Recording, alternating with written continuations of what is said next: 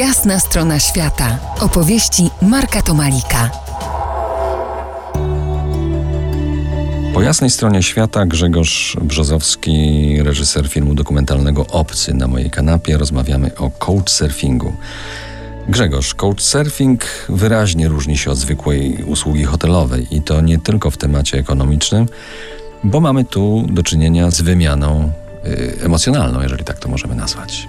Otóż to, o ile rzeczywiście y, couchsurfing ma mieć charakter niekomercyjny, to pewną ukrytą monetą tego mm, zjawiska jest wymiana emocjonalna, y, jest wymiana uważności. To znaczy, jeżeli jesteśmy u kogoś w prywatnej przestrzeni, to, nie, to poniekąd jesteśmy zaproszeni do tego, aby poświęcić komuś więcej uwagi niż na zasadzie hotelowej usługi.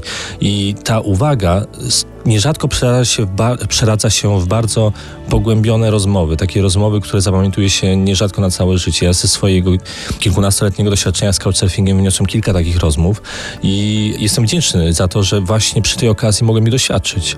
Masz za sobą wiele doświadczeń, e, tak jak mówisz. Czy nie wydaje ci się, że ta forma turystyki mniej nastawiona jest na zwiedzanie, a bardziej na słuchanie? to jest pewien paradoks. Rzeczywiście zdarzało mi się kilka razy trafić do takich miejsc, w których opowieści gospodarza okazywały się bardziej angażujące niż to, co sobie planowałem jako swoją trasę zwiedzania.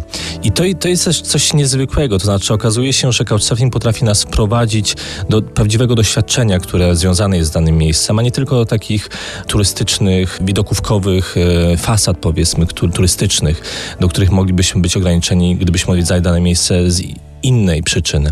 Po tamtej stronie, po tamtej stronie ludzie mówią o kraju, e, swoim miejscu, ale też sporo mówią po prostu o sobie. Tak jest. To jest y, ta, ta, rozmowa, która się rozwija w czasie spotkania, ona ma często charakter bardzo osobisty. To znaczy, y, mam do czynienia z pewnym emocjonalnym podzieleniem się rzeczywiście, czasami rzeczami, o których dany gospodarz czy gość nie miał odwagi mówić ze swoimi przyjaciółmi czy sąsiadami. To jest troszkę taki, taki bufor bezpieczeństwa poniekąd. To znaczy, gościmy kogoś na chwilę i z tej okazji można wyzwolić sobie duże pokłady empatii, duże pokłady zaufania. Paradoks paradoksalnie. Bywa też tak, że couchsurfing może pomóc y, w tarapatach. Na przykład, jak utkniesz w nieciekawym miejscu, Pamiętasz takie historie? No, otóż to, tak, tak. Pamiętam y, swoją historię z Arizony, w której miałem pomysł łapania stopa do y, Ciudad Juarez. To był bardzo zły pomysł. I szczęśliwie się nie powiódł, ale oznaczało to, że trafiłem na nocleg właśnie do tego miejsca, nie miałem go zabezpieczonego. Udało mi się w ostatniej chwili znaleźć gospodynię która właściwie mnie uratowała. I rzeczywiście było to doświadczenie magiczne. W ostatniej chwili przejęła mnie w wspaniałej willi, w której była jedną już mieszkanką, już cała jej rodzina już dorosła, wyprowadziła się stamtąd. Było to takie cudowne zrządzenie losu, w którym nie tylko udało mi się uniknąć turystycznej katastrofy, ale też poznać kogoś bardzo ciekawego. No właśnie, bo Ciudad Juarez to miejsce bardzo, bardzo złej mocy. Teraz muzyka w RMF Classic, a za kilka chwil zapraszam na ciąg dalszy naszej rozmowy po jasnej stronie świata.